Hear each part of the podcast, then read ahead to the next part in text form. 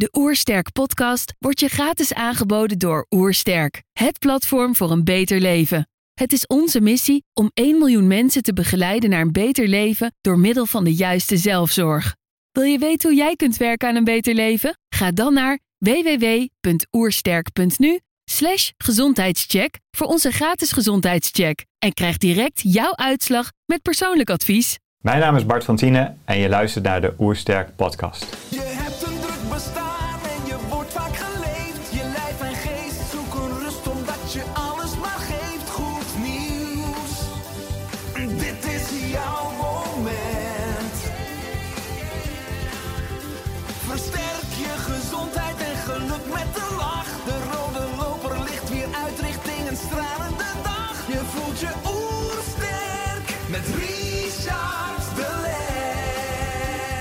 We zijn hier in Heemskerk voor een podcast met Bart van Tienen.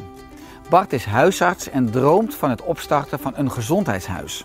Ik ben benieuwd naar zijn tips voor een beter leven. Trouwens, geniet je van onze podcast? Abonneer je dan en laat een reactie of review achter. Zo help je ons om het gezondheidsvirus te verspreiden. Let's start! De Oersterk Podcast. Een ontdekkingstocht naar een beter leven. Bart, welkom. Je bent nu actief als huisarts, maar je wilt graag je eigen gezondheidshuis beginnen. Waarom? Ja, het is een lang verhaal en eigenlijk speel ik eh, met de gedachte al heel lang. Gezondheidshuis, meer eh, als tegenhanger van het ziekenhuis. Ehm, meer gericht op gezondheid. Eh, ik ben huisarts. En, maar ja, goed, het idee speelde lang, ehm, maar kwam nooit echt van de grond. En door de ontwikkelingen van de afgelopen jaren, met name het corona gebeuren, eh, heb ik uiteindelijk eh, de daad bij het woord gevoegd. En eh, een jaar geleden zat ik op de bank en ik zei tegen mijn vrouw, wil ik nog twintig jaar op deze manier als huisarts werken? En toen zei ik, nee, eigenlijk niet. En toen heb ik de knoop doorgehakt en gezegd van, ik wil een andere richting uitgaan. Ja, dat is een jaar geleden op de bank, moedige keuze. Je wilt het roer omgooien en je zegt daarover ook: Ik heb gekozen voor mijn hart. Hè? Want hoe gelukkig ben je nu als huisarts? Eh, kijk, hu- huisarts is een heel mooi vak en dat blijf ik het mooiste vak vinden wat er bestaat.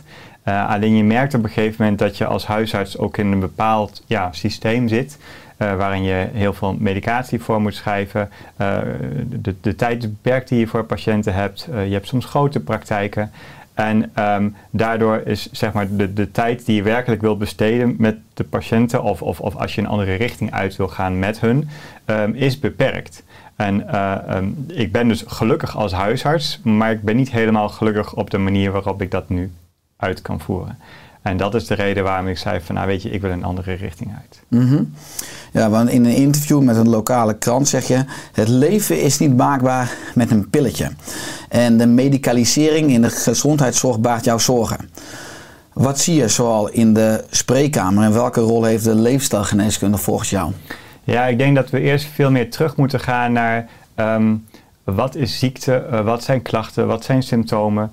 Ehm, ook vandaar het idee van het gezondheidshuis. Kijk, we leven in een wereld, in een maatschappij, eh, waarin we heel erg bezig zijn met ehm, we moeten produceren, we moeten deelnemen aan die maatschappij. En als we ziek worden, dan past dat niet echt. Dan, dan ga je naar een dokter en desnoods naar een ziekenhuis. eh, en daar gaan ze proberen om je beter te maken, zodat je weer verder kan in die productiemaatschappij of die welvaartmaatschappij. Ehm, maar we staan eigenlijk nooit stil bij wat is ziekte eigenlijk. En als je eh, de, Engelse term neemt, die ik eigenlijk wat mooier vind, is disease, disease. Maar eigenlijk ben je ongemakkelijk met jezelf als je ziek bent. En als je daarbij stil gaat staan van oké, je bent not in ease met jezelf. eh, je hebt ergens last van. Waar komt dat door? Eh, waarom heb je dat? Wil het je misschien iets zeggen? Dan kan het juist iets zijn waar je heel mooi bewust van kan worden. En dat is eigenlijk de reden waarom ik zeg van weet je wat, eh, we moeten in een andere richting uit als mens om te kijken van kunnen we eigenlijk ziekte ook als een boodschap zien in plaats van als een probleem. Mhm. Is dat ook een weg eh, waarin je als specialist, als huisarts, anders bent gaan kijken naar klachten en symptomen de laatste jaren? Wat ik als huisarts heel veel zie, eh, op mijn spreekuur, ehm, eh, en dan maak ik het heel algemeen, is eh, veel onrust, angst. En dat hoeft niet letterlijk angst te zijn, maar mensen zijn bang voor bepaalde ziektes, hebben ergens last van. Ehm, en je ziet dat er ook steeds meer chronische aandoeningen komen. Dus mensen krijgen meer ziektes waar ze langere tijd last van hebben, die met bepaalde medicatie onder controle, eh, waarmee ze dat proberen onder controle te houden. En eh, ehm, dat is eigenlijk een trend die ik, eh, nu ruim 12 jaar huisarts ben, steeds meer zie in mijn praktijk. Eh, en dat baart mij zorgen. En ik merk ook dat ik als huisarts daaraan meedoe. Want je ziet mensen, eh, je probeert mensen of te verwijzen of je een pilletje voor te schrijven. en dan is daar de volgende. En ehm, ik begrijp dat in het systeem waarin we bezig zijn. Maar soms dan heb ik wel eens het gevoel van... hé, hey, ik zou hier veel meer van willen weten. Ik zou daar meer in willen duiken. Van waar komt het vandaan? Wil het misschien iets zeggen? Eh, en daar voel ik mij soms wat beperkt in... in de manier waarop ik nu als huisarts eh, werk. En heeft dat vooral te maken met een factor tijd? Of ook met het openstaan van nou, de mensen die bij je Ja, komen, de, het- de het- patiënten? Het, eh, het, is, het is heel complex. Het is niet alleen tijd. Want dan is het heel simpel. Dan reserveer ik gewoon meer, patiënt, meer tijd voor de patiënten. Eh, zorg ik dat een dokter bij mij in de praktijk komt werken. En dan, eh, dan eh, kan ik meer tijd aan dat besteden.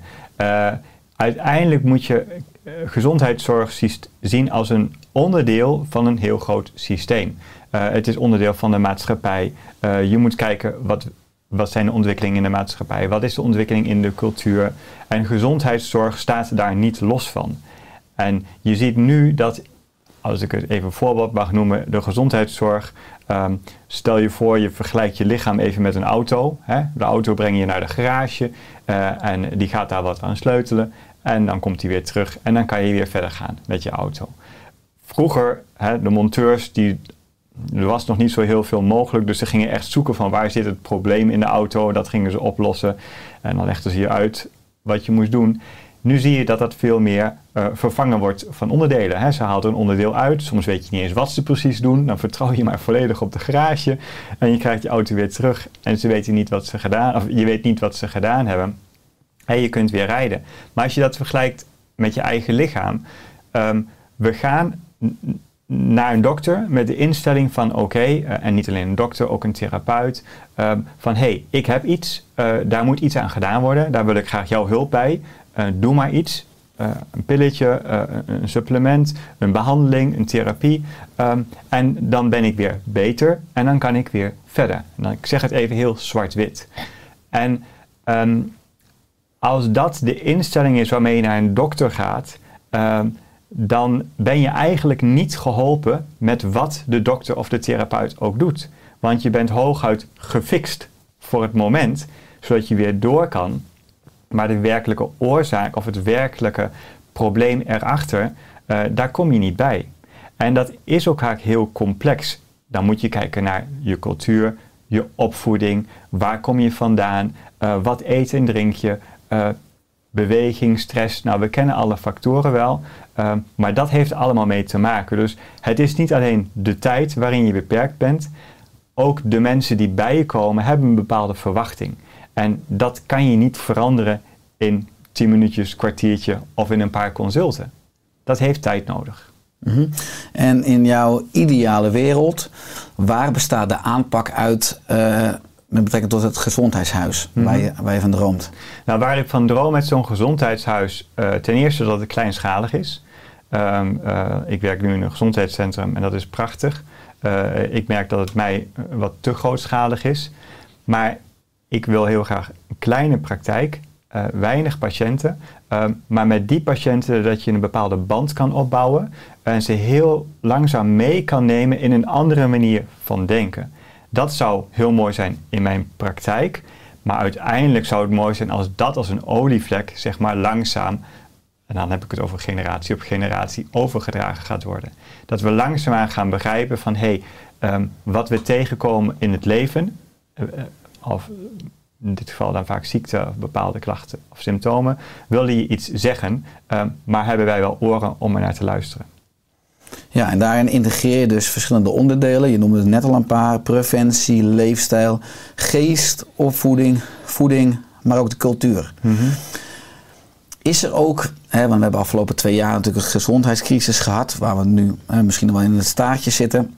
Een bredere, dus ook een maatschappelijke aanpak of visie nodig. Want, want enerzijds hebben we 10,2 miljoen chronisch zieken. En anderzijds zeg je dat gezondheidshuis wil ik graag heel kleinschalig houden. Terwijl er juist ook behoefte is aan een, nou, eigenlijk een, een bredere eh, nou ja, aanpakken. Waar Ja. dat er heel veel mensen misschien bij een gezondheidshuis binnen kunnen lopen. Nee, het is uiteindelijk iets wat maatschappelijk moet veranderen.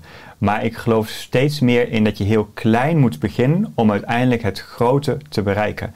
Eh, als je het andersom doet, wordt het heel erg moeilijk. Dus het is een maatschappelijk probleem. Het is een cultuurprobleem. Eh, het heeft te maken met opvoeding en heel veel andere aspecten.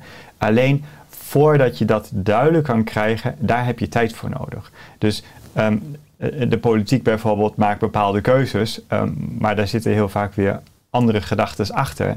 Eh, en natuurlijk, er moet er in de maatschappij wat veranderen, eh, in de cultuur, in hoe we denken. Eh, maar dat heeft tijd nodig. Mhm. Dus daarom geloof ik dat, dat het kleinschalige naast dat grootschalige heel goed kan bestaan. Mhm.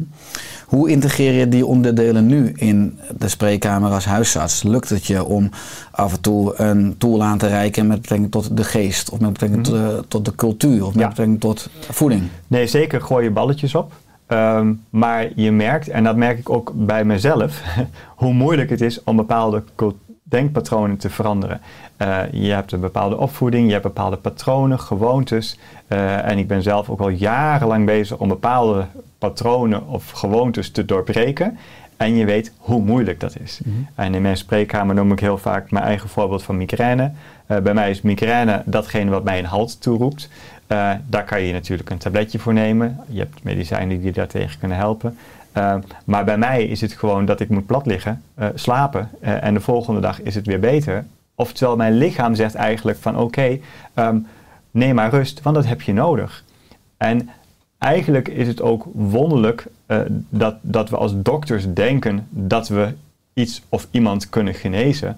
Eigenlijk bijna heel arrogant als je bedenkt dat je een lichaam hebt wat miljoenen jaren oud is of duizenden jaren oud is, wat eigenlijk heel goed weet hoe hij zichzelf moet genezen. Maar door omstandigheden wordt hij ziek. Kijk dan naar de natuur. De dieren in de natuur, dus niet de dieren die bij ons thuis leven, maar de dieren in de natuur hebben geen dierenarts. Die gaan niet naar een dierenarts. Ze gaan of dood, maar in de meeste gevallen weten ze zichzelf te genezen. En dat zijn wij kwijtgeraakt, omdat we als mens steeds meer afgesneden worden van onze natuur. En als je kijkt naar de cultuur en natuur, als je die tegenover elkaar zet. hè, eh, eeuwen geleden was dat nog redelijk dicht bij elkaar, maar je ziet dat dat steeds verder uit elkaar groeit. eh, als eh, ja, bijvoorbeeld soms een man en een vrouw die uit elkaar groeien en steeds meer gescheiden van elkaar wordt. Ehm, en dat is jammer, want ze kunnen goed samengaan, maar dan moeten we ook wel heel erg goed weer leren teruggaan naar onze natuur. Mhm. En dat, die verbinding, merk ik ook zelf, zijn we kwijtgeraakt. Ja, je geeft aan dat migraine bij jou een soort benzinelampje is als je zelf roofbouw Ja. pleegt.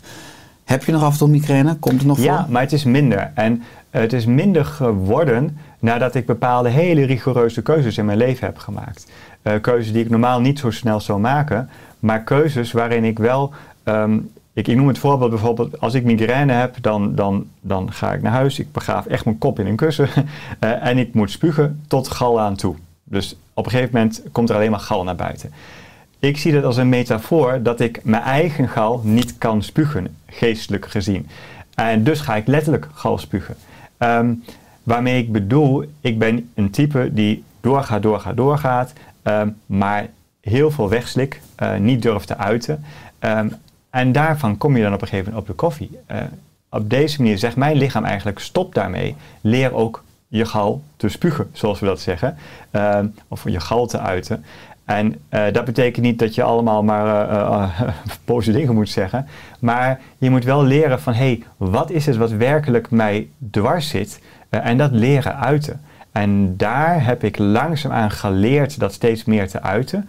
Waardoor ik steeds minder migraine krijg. Althans, ik zie heel duidelijk daar een relatie in. Mhm. Ja, want ook eh, de laatste twee jaar hè, heb je gedurfd als medisch professional, als huisarts, in ieder geval om je gal te spugen, Ja. om je mening te uiten. Hè. Je bent ook zichtbaar en hoorbaar geweest in eh, nationale media. Ehm, je zegt daar ook over dat de gezondheidscrisis eigenlijk jou afgelopen twee jaar dus in een soort gewetensnood bracht. Ja. Hoe waren deze jaren Ja. voor jou? Nee, de, de afgelopen jaren was voor mij één van die dingen wat je inderdaad zegt, dat ik heb geleerd mezelf iets te uiten wat in mij zat. Ehm, eh, het was een lastige periode, net als denk ik voor heel veel mensen. Eh, ehm, ik voelde als huisarts eh, een gewetensnood. bij datgene waar ik als huisarts op een gegeven moment een verantwoordelijkheid in kreeg. En dat waren de vaccinaties. En ehm, eh, ik voelde vooral een gewetensnood omdat ik zeg van ja, we weten nog niet alles van die vaccinaties. Niet de lange termijn effecten voor bijwerkingen bijvoorbeeld. En we weten ook niet of het überhaupt helpt tegen besmettelijkheid. Dat zijn de twee belangrijkste pijlers waar ik moeite mee had. Terwijl ik wel de verantwoordelijkheid kreeg om die vaccinaties aan patiënten van mij toe te dienen. En ehm, normaal, ik schrijf heel veel medicijnen voor, ik geef heel veel injecties. Maar ja, dat zijn meestal medicijnen die heel lang onderzocht zijn. En in mijn ogen was dit nog niet afgerond qua onderzoek. En, en daar voelde ik een gewetensnood. Nou, dat heb ik geuit eh, naar de patiënten die, eh, die ik een eh, injectie of een vaccinatie moest geven. Ehm, en het was een enorme worsteling voor mij van hoe ga ik met die situatie om. Want de meeste dokters ja, begrepen niet zo goed waar ik moeilijk over deed, want de vaccins daar waren toch goed onderzocht. Ehm, maar ik heb uiteindelijk wel geluisterd naar een gevoel in mij en dat ook geuit.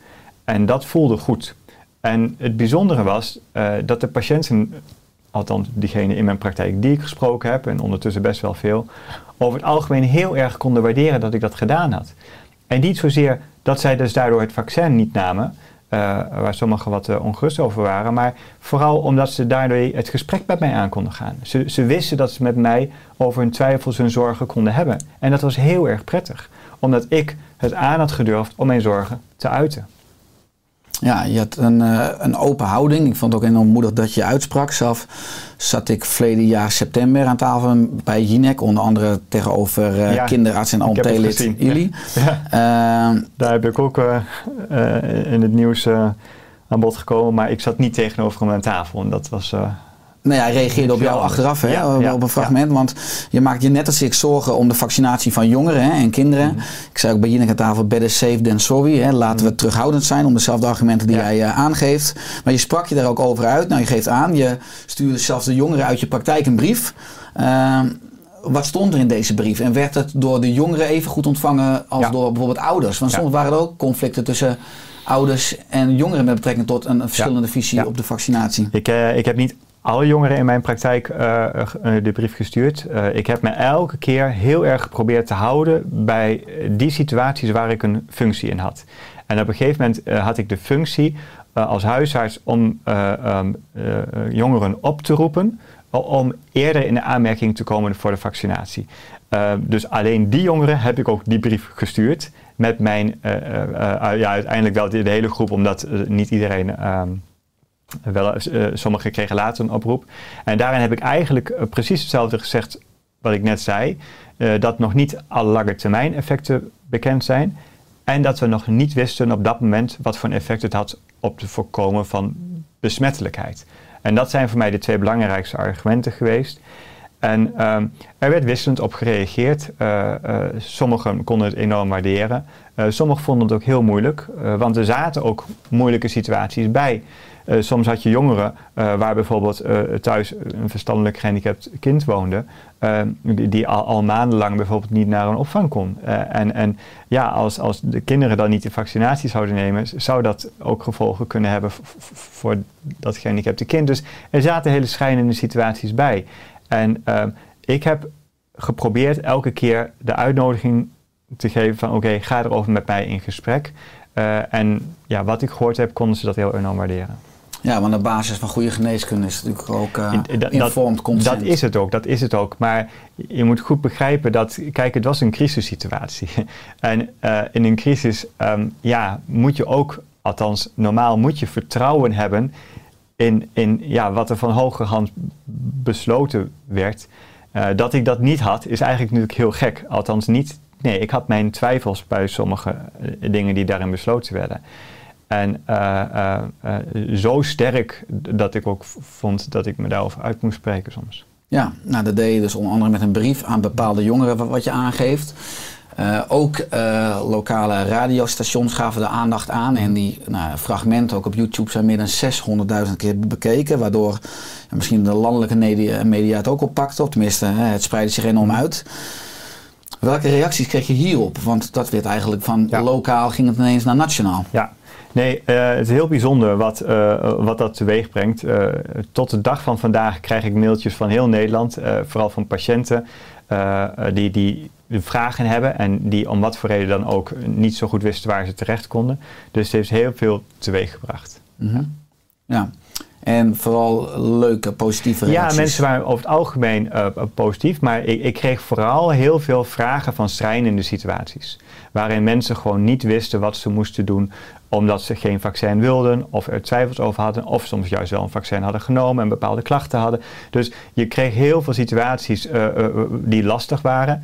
En ja, het enige wat ik kon bieden, en ik heb ze allemaal persoonlijk geantwoord, is een luisterend oor en, en, en, en wat feedback. Mhm. Omdat ik natuurlijk, ja, de belangrijkste beslissingen die op hogere hand waren genomen, daar, daar kon ik ook niks tegen doen. Mhm. Ja, wat je aangaf, het was toen ook echt een crisis. Iedereen moest een keuze maken, ook op basis van nou, de informatie die tot ons kwam. En misschien dat eh, alle informatie via ook media en kranten ook vooral pro-vaccinatie was. Vooral omdat het ook maar steeds eh, benoemd werd dat het veilig is. En dat je het ook niet alleen voor jezelf, maar ook voor elkaar doet. Nou, deze podcast wordt nu opgenomen in juni, hè, nu 2022. Waarschijnlijk uitgezonden in het najaar. We- Hebben we ook echt belangrijke lessen geleerd, ook eh, voor de toekomst? Ja, dat is. ehm, ehm, dat als ik kijk om mij heen, eh, denk ik het nog niet. Eh, want je ziet nu dat iedereen toch verwacht van hé, hey, de crisis is voorbij. Eh, we kunnen weer ons oude leventje oppakken. Ehm, en dan wil ik teruggaan naar wat ik eerder zei over die patronen, hoe moeilijk het is om dat te doorbreken. Ik zie dat dat nu nog niet echt eh, gebeurt. Nog niet bij iedereen. Er zijn veel mensen die toch wel zorgen hebben, wakker zijn geworden en zeggen van hé, hey, zo kan het niet verder, er moet wat gaan gebeuren. Maar er zijn ook heel veel mensen die dat niet hebben. Ehm, ehm, ik weet niet hoe het gaat, maar ehm, ik hou mijn hart vast voor wat er gaat gebeuren. En ehm, kijk, eh, als ik voor mezelf nogmaals spreek, ik heb het ook niet alleen gedaan. Ik heb ook een groep vrienden eh, waar wij heel veel mee samen zijn, eh, waarin we ook heel dicht in de natuur proberen te zijn. Elke weekend zijn we in een moestuin om zo dichter bij de natuur te zijn en dichter bij je eigen natuur te komen. En met die groep vrienden proberen we elkaar ook te spiegelen. En dat is het fijne van dat je daardoor eh, ook kunt proberen elke keer weer bij jezelf terug te komen. Want dat denk ik dat heel belangrijk is. Dat je elke keer weer bij jezelf te raden gaat. Van hé, hey, eh, waar past alles wat om ons heen gebeurt in mijn eigen verhaal? Mhm. Ja, en het eigen verhaal van jou eh, zorgt nu voor de droom dus van het gezondheidshuis. Ehm, je zegt eh, in een ander interview, hè, de ontwikkeling lijkt dat de patiënt steeds meer onderdeel is van een verdienmodel van de farmaceutische industrie. Nou, je hebt het eigenlijk net over dat we meer terug mogen naar de natuur en onze natuur. Hoe kan het eigenlijk dat, eh, misschien ook in een evolutionair perspectief, maar eigenlijk pas sinds kort, eh, dat de farmaceutische industrie veel meer op de voorgrond staat en de natuur dus veel meer naar de achtergrond verdreven is? Ehm, je moet zien dat dit eh, een heel geleidende schaal is. Ehm, wat je eigenlijk niet of nauwelijks door kunt hebben op het moment dat je erin zit en meegaat met de stroom. Eh, en wat ik net vertelde over die, die groep van mij, ehm, die groep is geïnitieerd door een, door een vriend van mij, een, een, een levensgids, eh, zo noem ik hem altijd. Hij komt uit het, Midden-Oosten ergens, uit de bergen. En ehm, omdat hij uit een andere cultuur komt en in deze cultuur woont, eh, heeft hij mij en mijn vrienden kunnen laten zien van hey, ehm, kijk naar je eigen cultuur, kijk hoe dingen ontstaan hoe dingen gebeuren. Ehm, en dan pas kan je je bewust worden van hey, hoe kan het dat je heel geleidelijk in een bepaalde richting gaat, terwijl je dat niet wil misschien of, of niet doorhebt. Eh ik heb bijvoorbeeld al jarenlang moeite met eh, de farmaceutische industrie, hoe, hoe vinger, wat voor vinger die in de pap heeft. Ehm, maar toch vind je het heel lastig om een bepaalde stap te zetten om daaruit te stappen. Eh, en hij zei een paar jaar geleden tegen mij van, ja, nou ben je die dokter die je nooit had willen worden. En dat was een enorme mokerslag voor mij. Ik denk van ja, dat is niet leuk om te horen. Maar hij had wel gelijk. En als hij dat niet had gezegd en mij niet een spiegel had voorgehouden van kijk wat er gebeurt, had ik ook nooit die stap durven zetten. En als je dan kijkt naar de farmaceutische industrie, ehm, eh, als voorbeeld, uh, vroeger, hè, dat, dat, kent iedereen wel, van had je de farmaceutische industrie die de reisjes voor dokters sponsorde uh, enzovoort. Um, dat gebeurt steeds minder. Maar wat je ziet is dat ze bijvoorbeeld nu uh, de patiëntenorganisaties sponsoren. Dat zijn dingen die je niet doorhebt. Maar heel geleidelijk weten ze in heel veel plekken te, te integreren. En daar zo een stempel op te leggen van hoe belangrijk medicijnen zijn. En begrijp me niet verkeerd, ik ben niet tegen medicijnen. Hè? Medicijnen zijn soms levensreddend, heb je echt nodig. Um, maar het gaat mij om het systeem wat heel langzaam ons beweegt in de richting van een pilletje is nodig om iets op te lossen. Um, dus onze geest is heel erg gebrainwashed als het ware um, met die gedachten. En daar maak ik me heel erg veel zorgen over. Om dan terug te gaan naar de coronacrisis. Uh, bijvoorbeeld dat je moet testen terwijl je niet ziek bent. Is eigenlijk heel bijzonder. Als huisarts leer ik altijd, je moet alleen maar testen als iemand ziek is. Want dan zegt het wat. Hè? En dat wij opeens nu aan alle patiënten moeten vragen als ze een beetje hoesten, heb je wel een coronatest gedaan? Is eigenlijk heel bijzonder. Maar in een korte tijd is het heel normaal geworden voor mensen om zich te testen. Het wordt nu heel normaal voor mensen om te denken: oh, als ik een vaccin neem, dan kan ik weer gaan reizen. Maar het is niet normaal. Hè?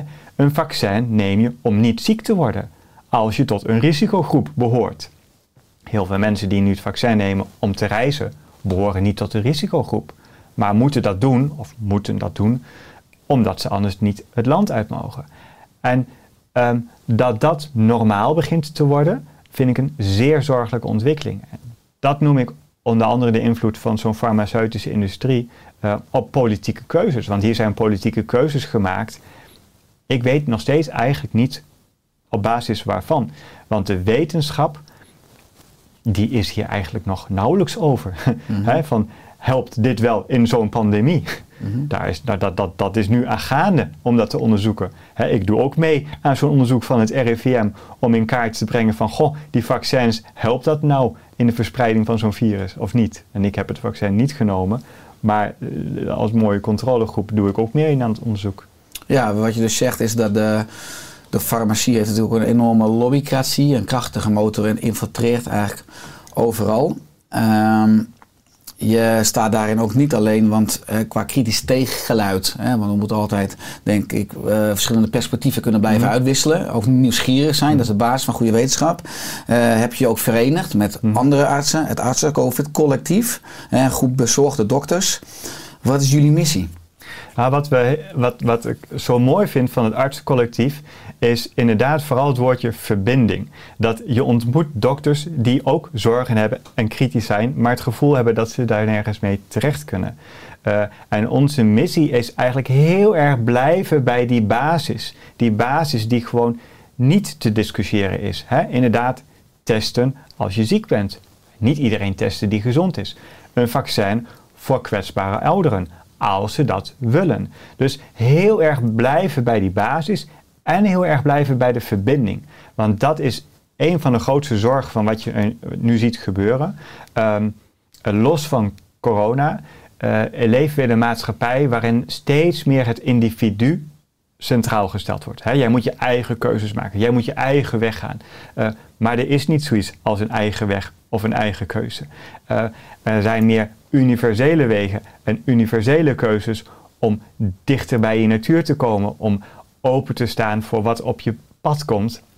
Het is niet zo dat je een weg in je uiteindelijk moet je hem zelf bewandelen, uh, maar je kan het niet zonder de ander. En dat vind ik heel zorgelijk van wat nu gebeurt. Uh, en dat zie je ook in de gezondheidszorg. Het individu wordt heel erg uh, apart geplaatst en niet in breder verband gezien met de omgeving. Of althans, te weinig wordt dat zo gezien. Mm -hmm. Ja, wat ik dus krachtig vind is dat jullie je ook verbinden dus als groep bezorgde dokters.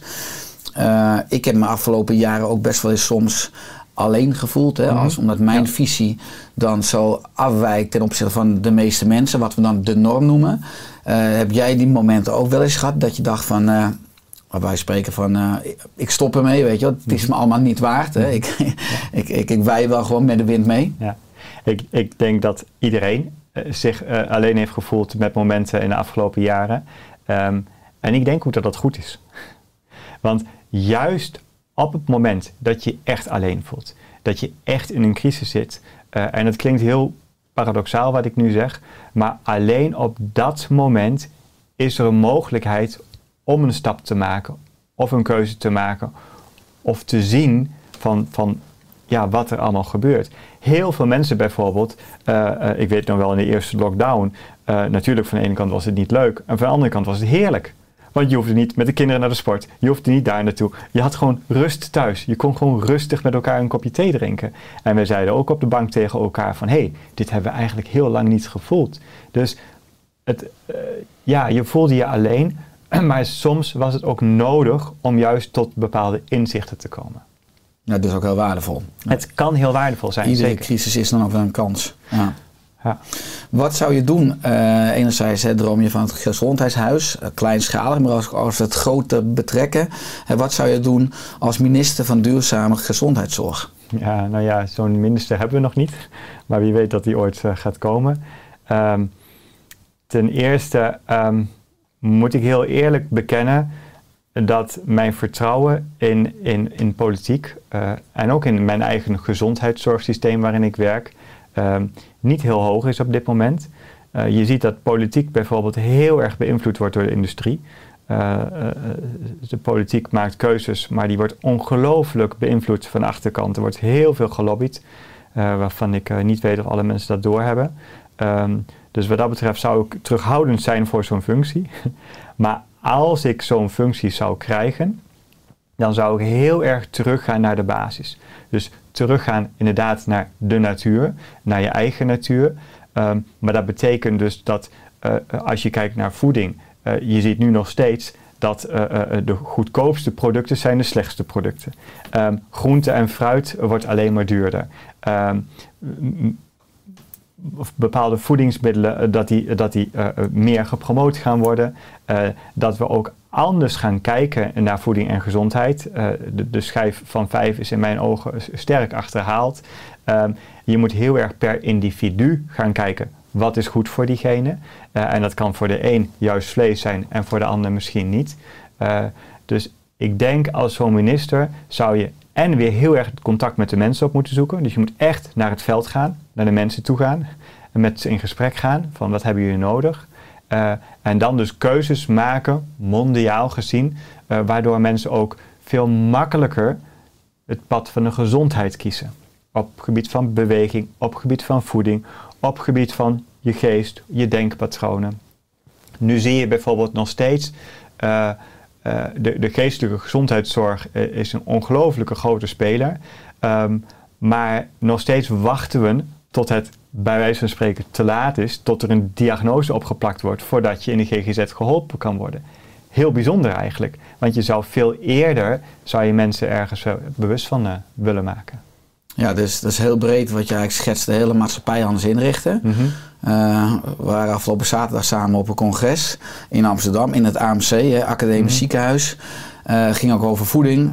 Uh, de kracht van misschien wel als voeding als medicijn. En wat ik ook een paradox vind, is dat er in de hal dan een frisdrankautomaat staat van Coca-Cola. Mm -hmm. En een AH2Co, waar de eierkoeken in de aanbieding liggen. Is dat, vond ik ook bijzonder, dat trouwens Albert Heijn in de industrie blijkbaar, was in mijn geneeskundetijd niet zo, ook nu al dus de academische ziekenhuizen in ge, geïnfiltreerd ook zijn. Maar uh, dat zijn natuurlijk ook al van die spanningsvelden ja. als we het hebben over, ja. over echte geneeskunde. Ja. Als, je, als je kijkt naar um, de maatschappij waarin we leven. Het is een heel erg mechanische manier van denken waarin we zitten. Um, en de welvaart staat op één, dus de economie staat op één. Uh, dus heel veel um, bedrijven krijgen vrij spel, want zo werkt dat in zo'n zo wereld, uh, om maar zich te ontwikkelen. Uh, ik vind het, blijf het bijzonder vinden hoe ongelooflijk veel uh, uh, uh, supermarkten er als paddenstoelen uit de grond schieten. die zijn niet nodig, dat weet ik 100% zeker, want er is genoeg. Um, maar er komen alleen maar meer bij. Ehm, en de producten die zij verkopen zijn alleen maar, eh, eh, eh, zeg maar, de- de- degene die in de aanbieding zijn, zijn vaak de wat slechtere producten. Ehm, daar kunnen we heel weinig bij, omdat ja, dat is marktwerken, dat mag. Dus als je daar wat in wil kan doen, zou dat heel erg mooi zijn. Maar dat is zo'n cultuuromslag. Dat heb je echt niet zomaar voor elkaar. En je kunt niet zomaar tegen de supermarktketen zeggen van ja, je mag niet meer uitbreiden. Dat, dat kan niet zomaar. Maar dat is wel belangrijk. Want kijk, als jij van 8 uur s ochtends tot 10 uur s avonds naar de winkel kan, is ook de verleiding om wat slechtere, goedkopere producten te kopen veel groter. Dus dat soort dingen, ja, je kan wel tegen jou zeggen van ja, doe dat maar niet. Maar inderdaad, als je er langs loopt, eh, is de verleiding heel groot om dat te doen. En dat vraagt dus heel veel van de bewustwording van de mensen om dat niet meer te doen. Want dat is bijna onmogelijk in de wereld waarin we nu leven. Nou, je moet tegen je evolutionaire instincten ingaan. Ja. Die zeggen van, Ja. eh, eet nou als het kan. Maar je weet niet of er over een week weer eten Precies, is. Ja. precies, dat is het hem inderdaad. En ja, ik denk dus dat ziektes, klachten, symptomen eh, een manier kunnen zijn om jou daarvan bewust te maken. Om jou duidelijk te maken van, hé, hey, je gaat een verkeerde kant op. En je weer op het juiste pad terug te zetten. Ook een beetje Ja. het pad van je hart. Want wat je net Ja. mooi aangaf, is dat je zei: ik zou terughoudend zijn om die functie in de politiek aan te nemen. Omdat je daarmee bedoelt, omdat het voor jou belangrijk is dat je trouw blijft aan je kernwaarden. Precies. En omdat je ziet dat het ongelooflijk moeilijk is als je op zo'n functie zit, eh, om, eh, om te blijven bij bepaalde principes waar je misschien voor staat. In het krachtenveld. in het krachtenveld waarin je je dan moet bewegen. Waarmee ik niet zeg dat politiek er niet moet zijn, die moet er zijn.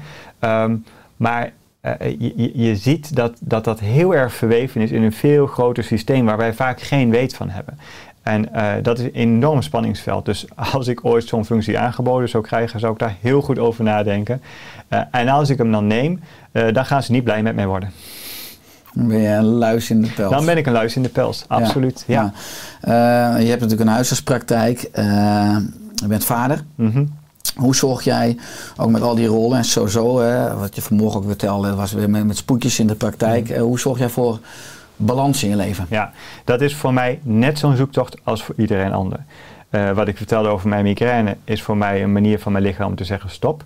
Ehm, maar eh, ehm, het leven toont je elke keer situaties waarin je eigenlijk geconfronteerd wordt met oké, ehm, blijf bij jezelf. Weet je, ik moest hier naartoe rijden. Ik vertelde je het al. Ik zou eigenlijk eh, vanochtend een yogales volgen, maar dat lukte niet op het laatste moment. Dus ik moest naar de praktijk. Daar speelden dingen wat ook mijn aandacht vroeg. Eh, en, en vervolgens rij je naar Amsterdam, kom je in een file, dan rijd je verkeerd bij Amsterdam. en dan kom je eigenlijk heel gestrest hier aan.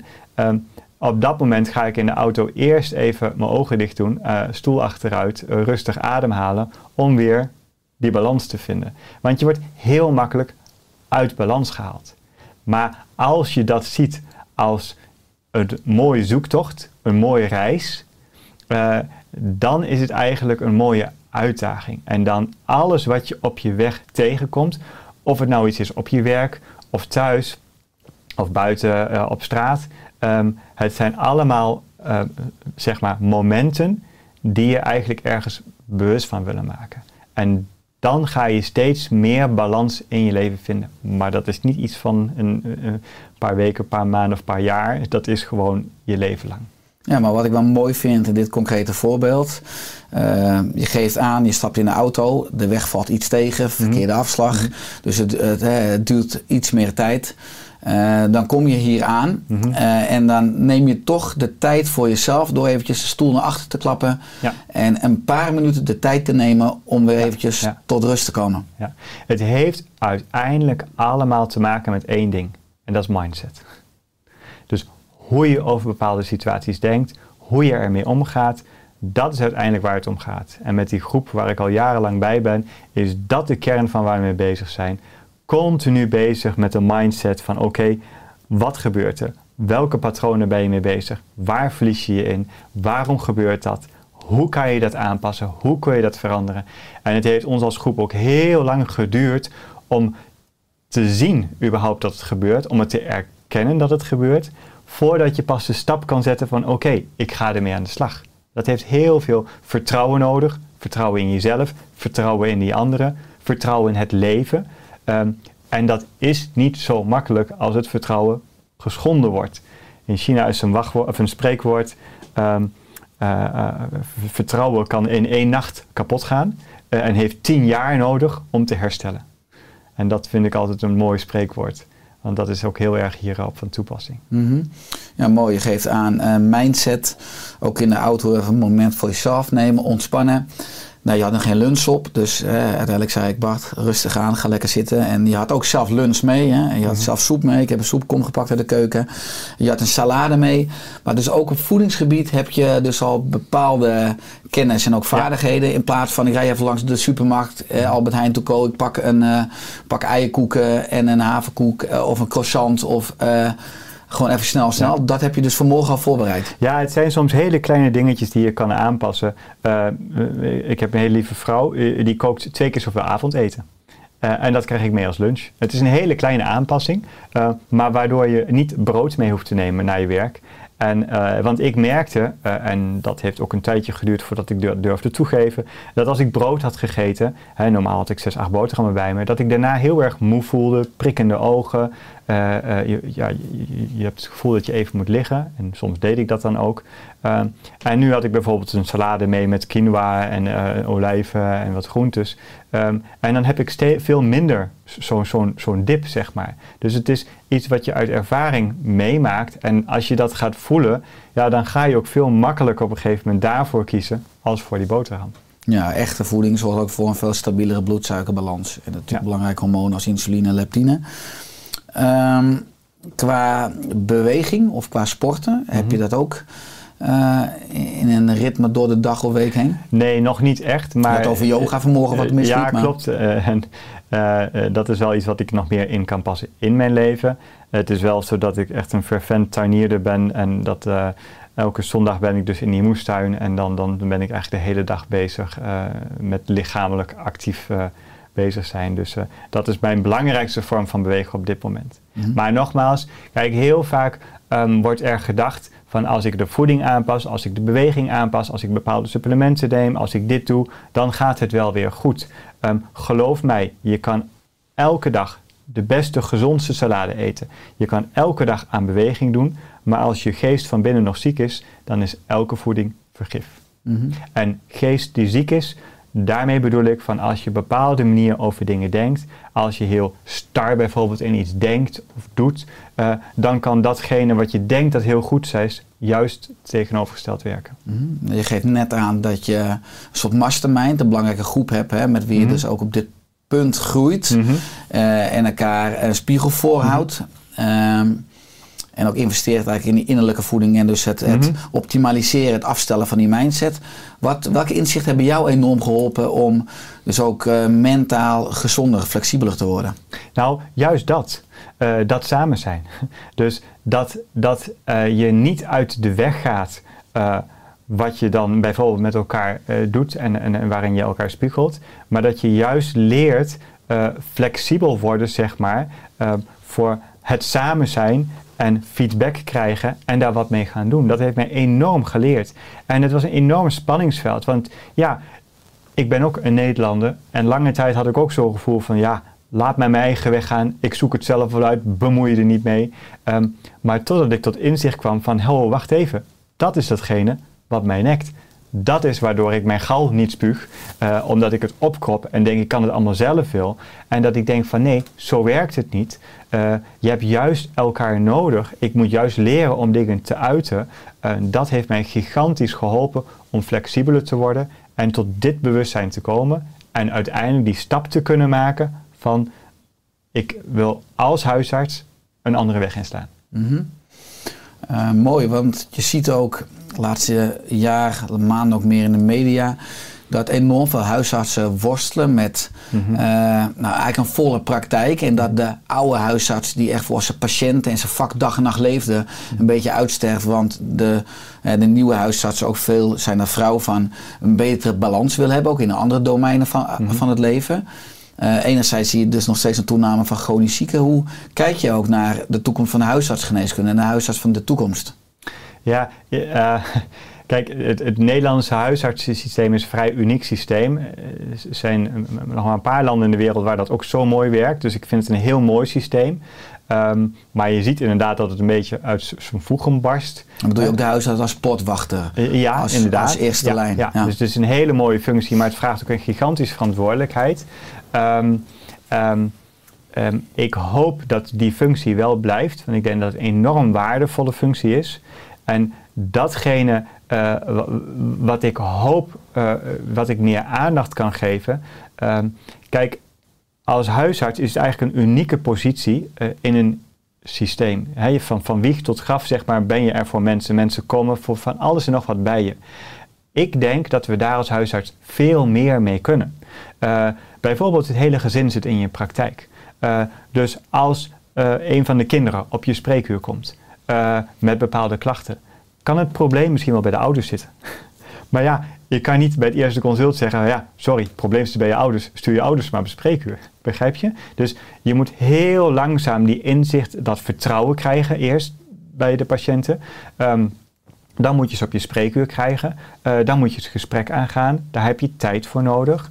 Ehm, en dat is ook mijn eigen ervaring. Eh, kijk, die- diegene die bij ons die, groep heeft begonnen, eh, die heeft ook ons geconfronteerd met dingen waarvan ik denk van, hm, hey, hoezo? Eh, maar langzaamaan ben ik gaan inzien hoe waardevol het was dat die dingen teruggaf.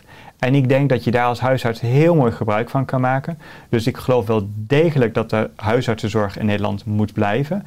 Ehm, maar ik geloof ook heel sterk dat er ook huisartsen kunnen en mogen zijn die zich veel meer specialiseren ehm, in, in hoe kun je dichter bij die patiënten komen. En ja, mijn droom is natuurlijk dat dat de toekomstige huisarts is. Mhm. Die veel kleinere praktijken, veel dichter bij de patiënt ehm, en daar veel meer mee kan om inzicht te geven van waar staan ze en wat kunnen ze nog met zichzelf verder doen. Hoe kunnen ze op tijd erbij zijn en niet wachten tot het te laat is. Eh, en dat de huisarts daar als een gids een rol in mag spelen. Dus ook preventief juist. Juist preventief, juist om er op tijd bij te zijn. Je weet van afgelopen weekend van het symposium eh, dat ook heel duidelijk wordt aangegeven. eh, eh, als je op het moment dat je suikerziekte hebt, dan is het al te laat. Want de suikerziekte is al twintig jaar eerder begonnen. Maar dat brengen we niet inzichtelijk. Maar suikerziekte begint al veel eerder. Ze vergelijken het zelfs met een berg die onder de zee ligt. En alleen het topje erboven zijn er mensen met suikerziekte. Maar daaronder is het al heel lang gaande. En zo geldt het denk ik met, ook met psychische klachten, met heel veel andere lichamelijke klachten. Het speelt al langere tijd voordat je er last van krijgt. En soms, als we het negeren, wordt het iets ergers. Mhm. Ja, dat is ook, eh, ik zei, enorm veel mensen hebben prediabetes, of al problemen met de insulinegevoeligheid. Je Mhm. kan natuurlijk glucose meten of HbA1c of, of insuline, dan vooral de HOMA-index. Eh, ook natuurlijk met andere eh, bloedwaarden zoals eh, triglyceride en cholesterol, waar je ook leververvetting eh, mee aan kan tonen. Zou het ook een toegevoegde waarde hebben om, vaak ga je nu naar de huisarts hè, als je klachten hebt, Mhm. maar ook om, om preventief een gezondheidscheck of APK te doen? Ja, maar dat hangt er vanaf hoe je ernaar gaat kijken. Kijk, ik, ik geloof namelijk heel sterk dat, dat we hebben onze referentiewaardes, hè, tussen waar iets normaal is. Ehm, dus als het daartussen zit, zeggen we, oh, het is goed, het is normaal. Ehm, maar als je dat in de lijn van de tijd bekijkt, kan iemand eerst laag normaal zitten en later hoog normaal. Of andersom. Dat wil dus iets zeggen. Eh, maar zo zijn wij als artsen niet getraind. Hè? Er zijn ook heel veel waarden die wij als artsen niet prikken, omdat wij denken, ja, het zegt ons niks. Eh, dus het, je kunt best wel dat doen, eh, maar niet als je denkt van, oké, daarmee maak ik alles inzichtelijk. Ik denk, bloedonderzoek kan een onderdeel zijn van, eh, eh, van preventief naar mensen kijken. Maar ik zit bijvoorbeeld ook heel sterk te denken aan vragenlijsten, eh, waar je veel meer vraagt over de mensen van wat voor werk doe je, waar kom je vandaan, wie zijn je ouders, wat voor ziektes hadden ze, maar ook van welke emotie heb je het meeste last van, welke emotie hadden je ouders last van, hoe is je band met, met bijvoorbeeld je ouders, weet je, al dat soort dingen. ehm, daar zit namelijk ook soms wel oorzaken van hoe ziektes kunnen ontstaan, in welke vorm dan ook. Ja, dat is echt een, een holistische Ja, film van ja, het hele leven ja, van de hele persoon. En dat is ook wat je ziet gebeuren, ook tijdens de coronacrisis, ook met het artsencollectief. Er hebben heel veel mensen zich verenigd die inderdaad eh, zeggen van hé, hey, wij willen verder kijken.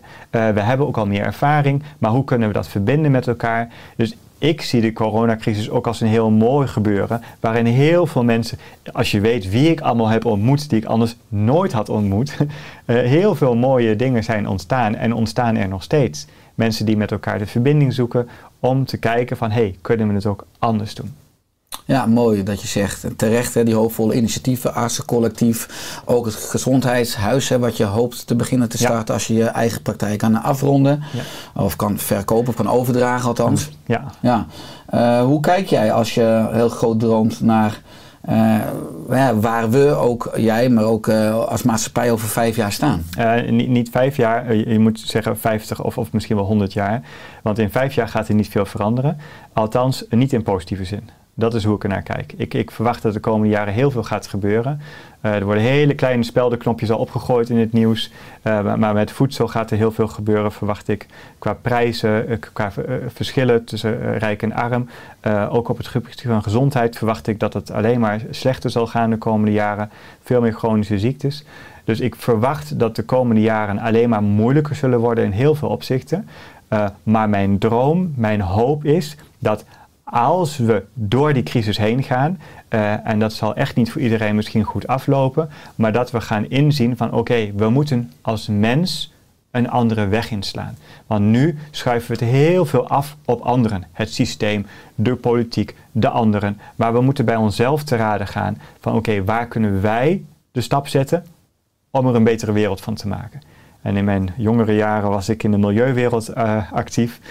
En eh, eh, een van de mooiste slogans toen van eh, Milieudefensie vond ik van een beter milieu begint bij jezelf. en dat geldt eigenlijk ook voor een betere wereld begint bij jezelf. Ja, en wat parallel loopt dan is dat we als maatschappij, maar ook, ook een ander succesverhaal moeten creëren.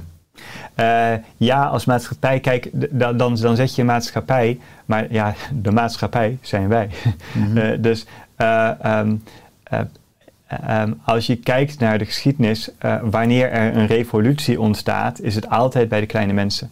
Bij bij de, de mensen die zeggen het moet anders, niet bij het systeem. Want het systeem, de maatschappij, wil in een bepaalde richting bewegen. Ehm, maar alleen de mensen kunnen het verschil maken. Dus ja, de, de, de maatschappij moet veranderen, maar die verandert als de mensen veranderen. Ja. Zo zie ik het meer. Eens, ik ben het met je eens, maar ik bedoel ook een beetje op eh, het collectieve verhaal wat we onbewust uit de cultuur of vanuit onderwijs, hè, dat Ja. we geconditioneerd worden van eh, haal je diploma's, Ja. krijg een goede Ja. baan, een goed salaris, dan kan je misschien ook een keer een dag een hoekhuis kopen, dan heb je twee auto's, en gemiddeld 2,3 eh, kinderen en in de toekomst word je dan ergens gelukkig als je ook maar economisch nuttig bent eigenlijk. Als je maar in die Mhm. Maatschappelijke droom participeert. In plaats van dat je weer teruggaat naar je eigen kern. En je afvraagt in verbinding met jezelf, met anderen en met de natuur. eh, waarom ben ik hier en wat maakt mij gelukkig? Wat Nee, mag ik toevoegen? klopt het. Kijk, de, de maatschappij, inderdaad de gezondheidszorg, maar inderdaad ook het onderwijs wat je zelf aangeeft. Er zijn op heel veel verschillende gebieden waar dingen moeten gaan veranderen om uiteindelijk het geheel te laten veranderen. Zeker, ja. Ja. Wat is hè, met al je ervaringen, ook de laatste twee jaar, maar natuurlijk breder, je bent 12 jaar huisarts.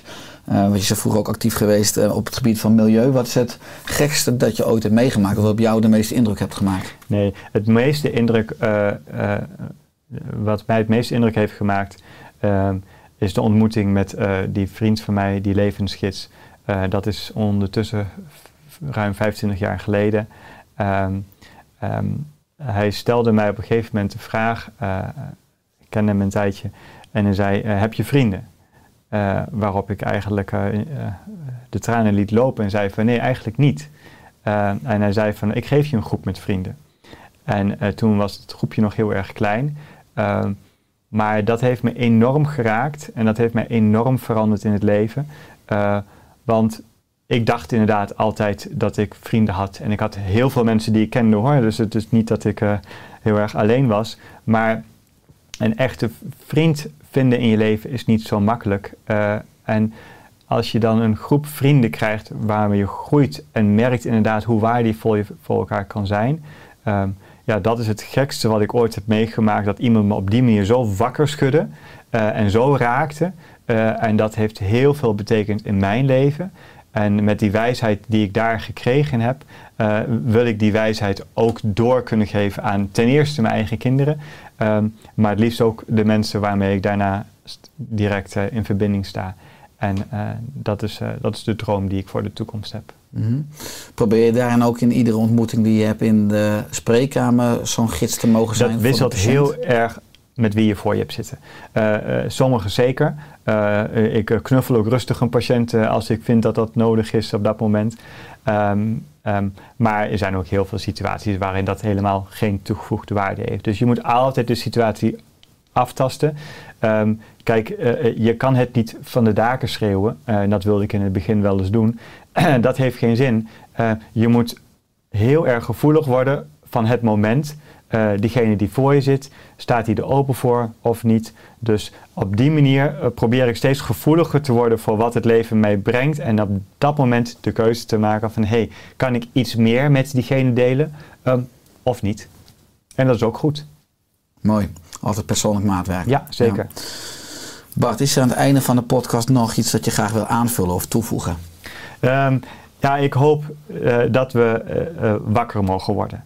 Eh, en dat we steeds bewuster mogen worden eh, van wat het leven, eh, want het leven is eigenlijk je belangrijkste leefmeester, ehm, je wil zeggen. Dat is mijn hoop en dat geldt voor mijzelf, maar dat geldt ook voor de rest. Mooi. Waar kunnen mensen meer vinden over jou of over je praktijk of over je artikelen, interviews? Nog nergens. nee. nee, ik heb een zaadje geplant. Eh, eh, en wat ik heb gezegd, eh, ik heb een eigen praktijk en ik moet eerst een opvolger vinden. Voordat ik die gevonden heb, kan ik geen andere stappen zetten en wil ik dat ook niet. Maar ik heb een zaadje geplant nou, en ik hou van tuinieren. En je moet een zaadje echt aandacht en tijd geven om hem te laten groeien. En dat ben ik aan het doen. En dat is bijvoorbeeld ook een van de redenen dat ik hier zit. Ehm, en ik heb er het volste vertrouwen in dat dat zaadje een plantje gaat worden en gaat groeien. Maar ook dat het tijd nodig heeft. Mooi. Als het gezondheidshuis ontkiemd is, laat het me vooral weten. Want ik deel dat ook graag eh, op mijn platformen. Voor nu heel veel dank voor je komst in de Oerstek podcast. En eh, dat we samen maar eh, mogen werken aan een vitale wereld. Wat symbool staat voor één groot gezondheidshuis. Dankjewel dat ik hier mocht zijn. Met liefde. Alle goeds, Bart. Helemaal goed.